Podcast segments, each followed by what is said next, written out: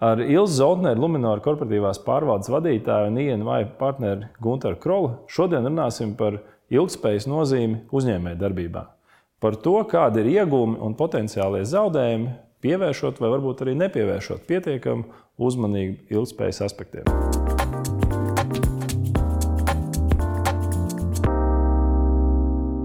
Ilgspēja Šodien mēs esam sapulcējušies šeit, lai, parunātu par ilgspēju uzņēmējdarbības kontekstā un tiem nezināmajiem, kas, varētu teikt, viņus saskaitot, mēs nonākam pie vārda ilgspēja. Uh, varbūt rīnas kārtībā mēs varam katrs uh, pateikt, ko jūs saprotat ar uh, šo vārdu ilgspēju, no kā viņš sastāv. Nu, sāksim ar Ilzi. Nu, jā. Tas ir mans mīļākais, viens no mīļākajiem tematiem, tagad ilgspēja. Un, uh, Manā skatījumā tas ir ne tikai zaļā enerģija, ne tikai zaļā dzīvošana, bet trīs, trīs komponentes. Tā ir vide, tas ir sociālais aspekts un tas ir pārvaldības aspekts. Tad moderni to sauc par ISG. Tā mēs kā banka skatāmies visus trīs aspektus kopā, kad mēs izvērtējam uzņēmumu. Nu, man liekas, ka šeit vērtīgi arī piebilst, ka Luminors ir pirmā banka, kas ir iegūsta arī labāko ISG scoringu, spriežot pēc decembra ziņām. Ja? mēs ieguvām labāko skoringu, tāpēc es domāju, ka mēs pirmie sākām apkopot šos datus. Es domāju, ka pārējām lielajām bankām būs tāds pats labs skorings kā mums. Gunter, tu esi e, konsultants un e, strādājis INVA jau daudz gadus. E, no tava skatu punkta, kas ir svarīgākais ilgspējas šajā vienādojumā? Svarīgākais, manuprāt, ir atrast šo ilgtermiņa stratēģijas modeli, kas būtu pielāgojams visiem uh, ESG kritērijiem nākotnē, un katram uzņēmumam tas būs tāds ceļojums, atrast šo jauno biznesa modeli, jo viennozīmīgi diezgan daudz būs jāpamaina gan stratēģijas, gan operacionālā darbība katram uzņēmumam, lai gan sasniegtu formālos mērķus, gan arī spētu nedaudz izcelties un varbūt iekarot daudz labāku pozīciju tirgū tieši sasniedzot šos mērķus. Varbūt nelielai pro provokācijai pat izteikšu tādu tēzi. Manā skatījumā, tā kā tu saki, tieši uzņēmuma stratēģijai iespējams šobrīd daudz lielāka nozīme ISG kontekstā nekā, pieņemsim, CO2 pēdē, nu, par ko ļoti daudz runāja. Kā jums šķiet no jūsu skatu punkta? Mm -hmm. Es tagad sākšu ar praktiskiem piemēriem, ko mēs izvērtējam, kad mēs uh, uh, lemjam par, par uzņēmumu, uh, uzņēmumu vai piešķirt vai nē kredītu. Tad pirmais, ko mēs skatāmies, jā, kad ir šī zaļā stratēģija, jā, ir, ir skatāmies, ja tas ir nekustamais īpašums, tātad kā uzņēmums plāno nokļūt līdz tam A-klases certifikātam. Mhm. Bet ko mēs vēl paralēli skatāmies un kam ir vienāda nozīme, tas ir kāds uzņēmumam ir, ir īpašnieku attieksme pret šādu stratēģiju. Un cik sociāli atbildīgi ir gan īpašnieki, gan vadītāji. Piemēram, es zinu, Mārtiņ, tu esi zemesargs. Tātad mūsu bankas skatījumā tas nozīmē, ka tu jau esi atbildīga persona. Okay. Tātad tu visticamāk nepārkāpsi sankcijas, jo tu esi justies valstiski atbildīgs. Tātad tev tiek ielikt plus uzreiz automātiski. Tikai to noskorēt, ka tu esi zemesardzē, tev automātiski ir plus zīme. Tas ir tas, ko mēs izvērtējam. Mēs izvērtējam noteikti arī uh, visas vadības kapacitāti, kā viņi ir sociāli orientēti, ko viņi, kāda ir mēdīju atsaucība pret viņiem, kā pret sociāli orientētiem vadītājiem. Tas viss ir kopums. Mēs aizmirstam to, ka tikai, tikai tas financial standing ir, ir svarīgākais. Ir, bankai ir svarīgākais, ka jūs ilgtermiņā uz to strādājat. Jo mums kā bankai ir savi mērķi, kas mums ir jāsasniedz šī, šajā zaļajā kreditēšanā. Gunter, kā tev liekas, ko uzņēmuma vadība, akcionāri šodien varētu darīt, lai pielāgotos šīm izmaiņām bankas uh, prasībās un, un kredītņēmēju pieprasījumu izvērtēšanā. Jā, ja drīkst, es sākšu varbūt ar to, ka bankas prasības nav gluži vienīgais iemesls, lai sāktu par šo domāt, lai arī tam ir pozitīvi aspekti. Es varbūt par to vispārējo ietvaru apskatītos sekojoši. Ir vēsturiski uzņēmuma stratēģijā bijis uzsvers uz vērtības maksimizēšanu. Mm. Uzņēmuma vērtības audzēšanu, finansiālais novērtējums, akcionāru peļņa, dividendžu izmaksa, vērtības pieaugums un tā tālāk. Ar šo izmaiņu ilgspējas domāšanā mēs skatāmies vairāk uz visām iesaistītajām pusēm, lai šī vērtība tiek vairota vis, visiem stakeholderiem, visām iesaistītajām pusēm. Mhm. Gan darbiniekiem, gan sabiedrībai, gan, gan sabiedrībai kopumā. Un šajā gadījumā tiešām pārēja un teiksim, tāds atskaites punkts uzņēmumu īpašniekiem un vadībai pārdomāt, vai vispār mums jāturpina darīt, darīt tas, ko mēs šobrīd darām. Varbūt kaut kādas komponentes mūsu uzņēmumā vai mūsu uzņēmuma grupā ir tādas, kur nu, tomēr mēs saprotam, ka ilgtermiņā nu, nebūs atbilstoši labākai praksē, nebūs ilgspējīgi. Varbūt vispār no kāda biznesa virziena vajag atteikties. Varbūt kā reiz vajag piecreiz vairāk investēt kaut kādā citā um, virzienā, kurš būs gan vērtīgs no šī kopējā viedokļa visiem stakeholderiem, gan arī uh, uzņēmuma vērtību maksimizējošs. Šis varbūt ir tāds labs uh, iniciators šobrīd pārskatīt uzņēmumu stratēģiju kopumā, priekš ilgtermiņa vērtības radīšanas. Jo īstermiņā nooptimizēt uh, teiksim, uzņēmumu pelnītspēju gada, divu perspektīvā, nu, jā, tur uz to ir gan daudz uzsvers ir bijis daudziem uzņēmumiem. Bet radīt ilgtermiņa vērtību, kas varbūt var arī nozīmēt īstermiņa finanšu vērtības samazinājumu, jo nu, tomēr šīs iniciatīvas maksā ieviest nedaudz. Un, tas finanšu rezultāts var īstermiņā būt nedaudz negatīvāks, bet šo ilgtermiņa vērtību audzēt vajadzētu. Man ir nojausma, ko Gunārs to domā. Varbūt tās jūs varat iedot kādu piemēru kontekstā to, ko Gunārs saka, ka tātad eh, upurēt kaut kādu īstermiņa uh, rentabilitāti pret ilgtermiņa vērtības pieaugumu. Vai jums ir bijusi varbūt kāda pieredze pozitīva šajā kontekstā? Um, tā, tagad man uzreiz tā pajautāja. Noteikti, kad ir jā.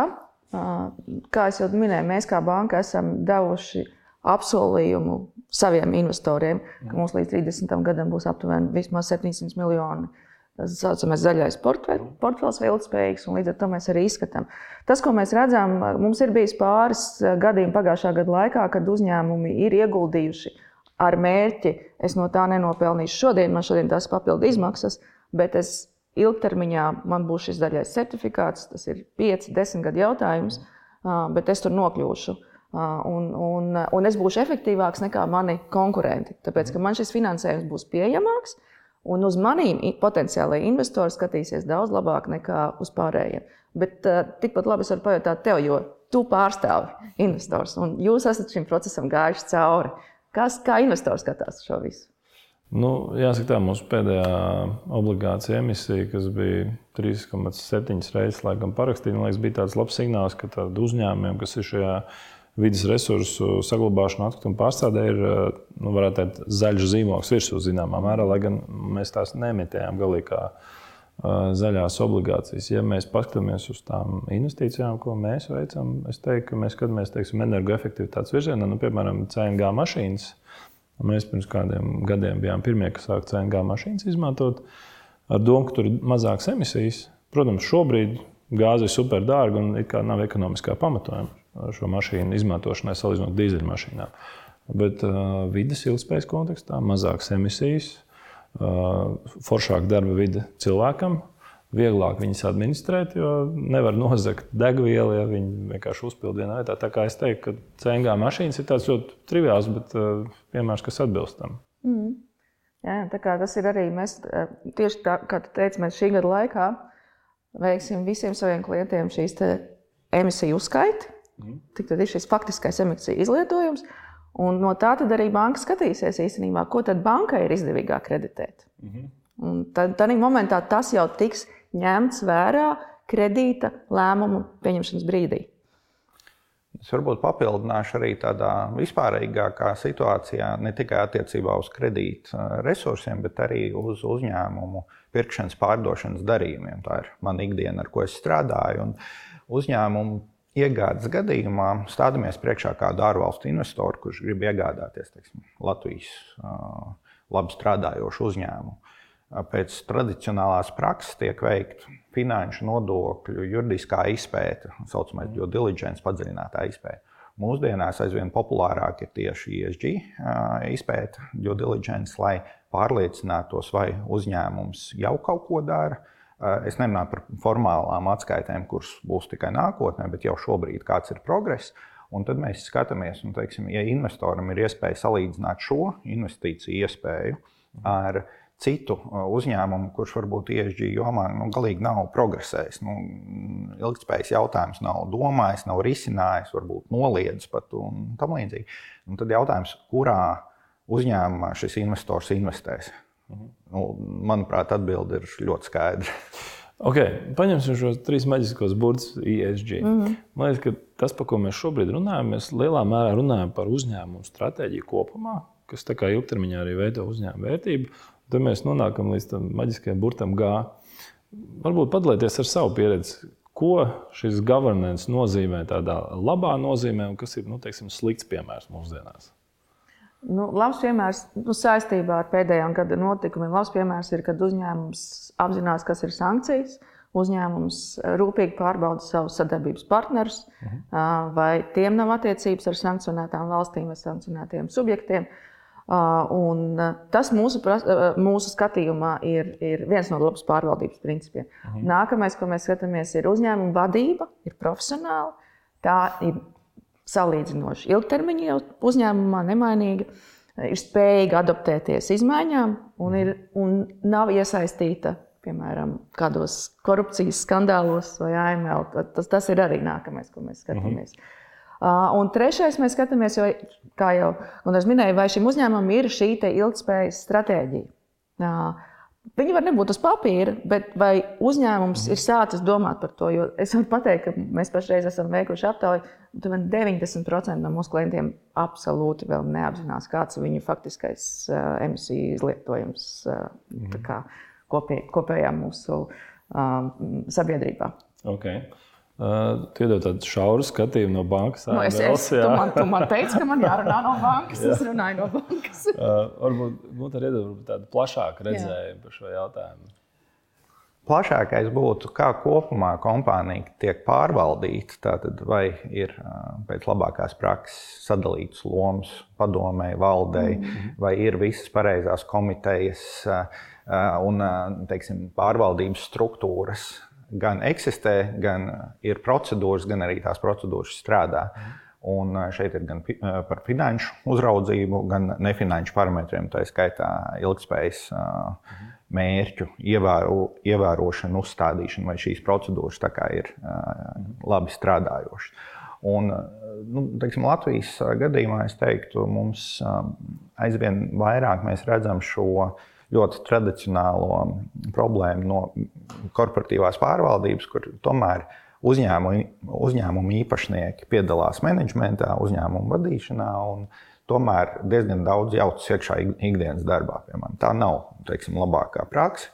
Ar paudžu maiņu mēs redzam, ka tas mainās. Ir profesionāli uzņēmumu vadītāji, kuri tiešām no labākās prakses ievieš attiecīgās procedūras attiecīgos uzraudzības un kontroļu mehānismus šajā uzņēmumā.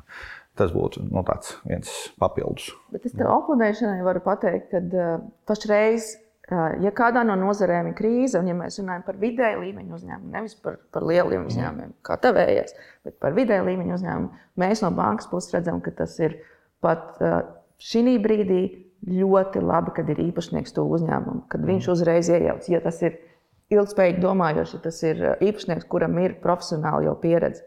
Tāpēc, mm. kad um, ir jāspēj ātri rēģēt. Bet mm. tas ir tikai kā komentārs, ko mēs redzam tagad, kas notiek. Jā, es piekrītu. Jā. Um, spēja operatīvi jā, reaģēt jā. ir liels pluss. Vai nu tas ir no uzņēmuma vadības vai īpašnieks, tad to mēs arī mm. izvērtējam. Cik, cik tuvu vai tālu ir uzņēmums, ir īpašnieks vai vadība, lai spētu ātri uh, regulēt procesus. Super. Tad, rezumējot šo eh, governance jautājumu, tad skaidrs, ka jo sakārtotāks uzņēmums, vairāk pareizas, eh, ilgspēlējušas procedūras, jo gan viņš būs pelnošāks, gan arī droši vien interesantāks priekš eh, esošiem un nākotnes finansētājiem. Ejam pie sociālā aspekta. Droši vien tas ir drusku varbūt netikt vērams. Jūsu skatījums uz sociālo aspektu varbūt šoreiz sākam ar Gunteru. Nu, viens no elementiem sociālajā aspektā ir arī um, darbinieku vienlīdzība, uh, tā teikt, divi, uh, tā teikt, uh, dzimumu līdztiesību šajā darba devēja kontekstā un arī atalgojuma samērīgums un vienādība attiecīgajā darba devējā, kas kopumā, es teiktu, rezumējas uz šī darba devēja, kā darba devēja tēlu un talantu piesaisti jebkuram uzņēmumam, jebkurā nozarē mūsdienās ir ļoti svarīgi. Ir, nu, šis ir maziņš elements, bet es teiktu, ka pietiekoši svarīgs šajā sociālajā pusē, kā uzņēmums uz to skatās, vai vispār skatās, un vai ir uzstādījis mērķus, un vai šos mērķus uh, ievēro. Uh, un atkal, ko tas dod ilgspējai? Tas ilgspēja nozīmē, ka šis uzņēmums būs konkurētspējīgs kā darba devējs ilgtermiņā darba tirgu. Okay, ļoti, man liekas, ļoti skaidrs redzējums. Varbūt var palīdzēt ar jūsu pieredzi. Tas, ko es iepriekš teicu, jā, mums ir bijuši gadījumi, kad mēs esam atteikuši finansējumu ļoti labiem, labam uzņēmumam, bet ja mēs redzam, ka viņa vidējās algas ir krietni zem, mm -hmm. zem tās nozares tirgus līmeņa, mm -hmm. mums ir bijis gadījums, kad mēs esam atteikuši tikai tā, tā iemesla dēļ, ka mēs redzam, ka nu, tā nevar būt. Mm -hmm. Ka tā alga ir tik ļoti proporcionāli mazāka nozarei, kas notiek. Un, un, jā, tā kā, tā kā mēs skatāmies, Mēs skatāmies darbinieku mainību, mēs skatāmies, kāda ir uzņēmuma darba devēja, kā darba devēja tēls, mhm. atkal kādas ir reputācija, uzņēmuma reputācija kā darba devējam. Un, un, jā, un tas ir viens no lēmumu pieņemšanas punktiem. -hmm. nu, Droši vien, atkal rezumējot šo, man liekas, ka uzņēmuma vērtība lielā mērā ir ne tik daudz aktīvos, cik komandā, kas ar šiem aktīviem strādā. Un, ja, nav tāda ilgspējīga pieeja šīs komandas gan attīstībai, gan ļaujot cilvēkiem justies novērtētiem. Droši vien tas uzņēmums arī nevarēs pilnībā realizēt savu potenciālu. Nu, ne tikai potenciāli, bet es varu pateikt, nu, gadījumā, kad uzņēmumam notiek nopietnas problēmas, nu, ko tad mēs iesāksim ar tiem aktīviem, ar tām mm. rūpnīcas iekārtām, jo tur nebūs tie cilvēki, nebūs tā profesionālā komanda, kas, kas to visu varēs pārvaldīt. Tā kā tāpēc mums no bankas viedokļa ir ļoti svarīgi, kas pārvalda. Nu, iespējams, iepriekšējā mūsu Latvijas pieredzē, 2008. un 2009. gadā, kad bankas pārņēma aktīvus, kur bija bezvērtīgi, gan jau ka kaut kāda atstāja zināšanas par to, cik, cik tas ir ilgspējīgi. Jā, tieši tā. Okay. Nu, Galu galā mēs nonākam līdz tādam e-burtiņam, kas nosacīs vidas jautājumus. Nu, kā, kā jums šķiet, kas ir tās acīm redzamākās lietas? Jūs jau pieminējāt mm. uh, par šo CO2 emisiju jautājumu. Vai ir vēl kaut kas, uz ko jūs skatāties, kas liekas tāds svarīgs uh, aspekts, ka, kam var pievērsties gan uzņēmēji, gan akcionāri, gan investori? Nē, nu tas ir jā, Eiropas Savienības stratēģija, ilgtermiņa stratēģija, kāda ir Eiropas Savienība noteikusi. Tas nav tikai CO2 izmeši, tas ir arī virziens, piemēram, tavā biznesā, ko tu pārstāvi. Tas ir, kad mēs pieņemam lēmumu, mēs skatāmies, kāda ir Eiropas Savienības ilgtermiņa stratēģija uz, uz pārstrādājumiem tieši materiāliem. Tas ir viens no piemēriem. Mēs ļoti daudz pētām, ir ļoti daudz nezināmā pašlaik, bet šis gads mums ir vispār saprast kas ir tas atskaites punkts, no kā mums ir jāsāk vērtēt. Bet skaidrs, ka tas, kad bankas, es nedomāju, kad varat, kad, kad ilgspējīgāks un vidē draudzīgāks uzņēmums varēs dabūt draudzīgākus nosacījumus kreditēšanai, bet viņš noteikti būs prioritārāks nekā. Nekā cita. Nu, protams, mēs esam bankas ļoti attīstītas nekustamā īpašuma finansēšanā. Nu, tur gan ir skaidrs, ka mēs gribam to A certifikātu un, un, un, un tos zemākos mēs ņemam ārā no portfeļa. Nu, principā, ja tev ir teiksim, īpašums, kas nav A, B vai kāds cits certifikāts, tad diezgan liela varbūtība, ka viņi nevar ne pārdot, ne es nofinansēt. Es teiktu, ja? ka pašreizajā situācijā pilnīgi viennozīmīgi lielajās bankās tā būs ļoti liela problēma. Okay, tas ir tāds interesants aspekts, par ko aizdomāties. Un šī mm. certifikāta droši vien tādā nu, tautai saprotamā valodā, tad, ja tev ir A certifikāts, droši vien papkura maksā maz, ja tev ir E jā. certifikāts, tad droši vien maksā jā, ļoti daudz. Tieši vienkāršā valodā izsakoties, jā, tieši tā arī ir. Jā. Okay. Mm uh, Bet es gribēju pateikt, ka tas e, energoefektivitāte vai vide. Te ir arī ļoti liels tas valstiskais pozicionējums, kur valsts grib attīstīties mm. tālāk. Tā kā, bet nu, to droši vien Gunārs var pakomentēt. Jā, es varbūt sākšu ar um, efektivitātes un energoefektivitātes uzsvaru, jo tomēr tam ir arī ļoti tiešs ekonomisks uh, efekts pašreizējos laikos. Mēs ļoti labi redzam uzņēmumu pelnīt spēju, kā tiek ietekmēta atkarībā no teiksim, viņu energoefektivitātes līmeņiem un pro, ražošanas procesiem un vispār atkarībā no tā, ko viņi dara. Un kopumā resursu, dabas resursu izmantošana gan uh, pašos ražošanas procesos, vai ikdienas darbībā, vai arī gala produktā, ir ļoti svarīgs jautājums, ko strateģiski jau tagad pārdomāt, vai turpināt darīt tā kā līdz šim, ražot šādus produktus vai nē.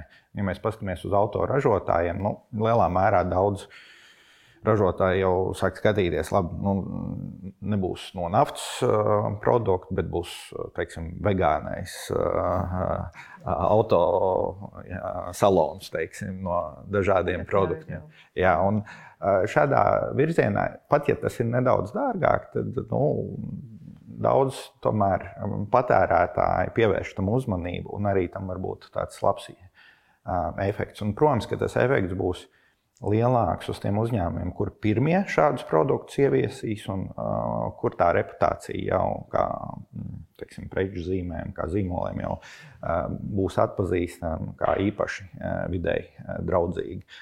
Un um, patērētāji mūsdienās uh, labprāt būvē nu, teiksim, savu vidi apkārt, jā, pērk zaļo enerģiju, vai paši ražo, vai kā tam līdzīgi man arī ir liels prieks, ka es pats ražoju savu saules enerģiju nedaudz un tērēju, un varu auto uzlādēt ar to. Un, nu, tā pamazām ikdienā jau pārējot uz šo, es teiktu, arī uzņēmumiem ir šie mērķi jānosprauž un viņi jā, jāievieš jau šobrīd. Tu pieskāries ļoti labai tēmai, pārējai uz tādu arī nu, praktiskām darbībām, mm. ilgspējīgiem produktiem. Tas first mover advantage. Nu, Es domāju, visi mēs ekonomikā kaut kur esam mācījušies, esam dzirdējuši. Ja? Un, man liekas, tieši ilgspējas kontekstā ir tāda dilēma. Jo sanāk tā, ka šos produktus saražot teiksim, no otrreizējām izēvielām ar alternatīvu enerģiju nu, ir būtiski dārgāk. Ja? ja mēs paskatāmies, tomēr tas vidējais gala produkts, kuram ir kaut kāds zaļais marķējums, viņš parasti ir būtiski dārgāks.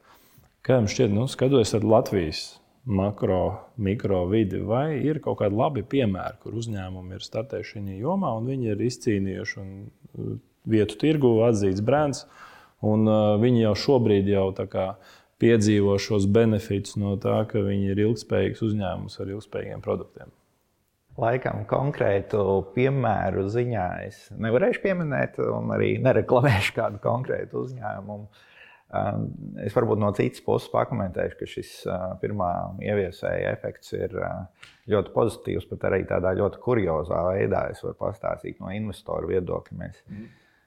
varbūt nedaudz par daudz atklāšu, bet ir manā pieredzē bijuši investori, kuriem saka, nu, mums noteikti vajag ieinvestēt kādā ilgspējīgā uzņēmumā, nu, kurš jau ir pirmrindnieks šajā jomā. Uh, Nu, mums nav tik svarīga tā pelnīt spēja šobrīd. Mums, mūsu portfelī vajag šo vienu investīciju.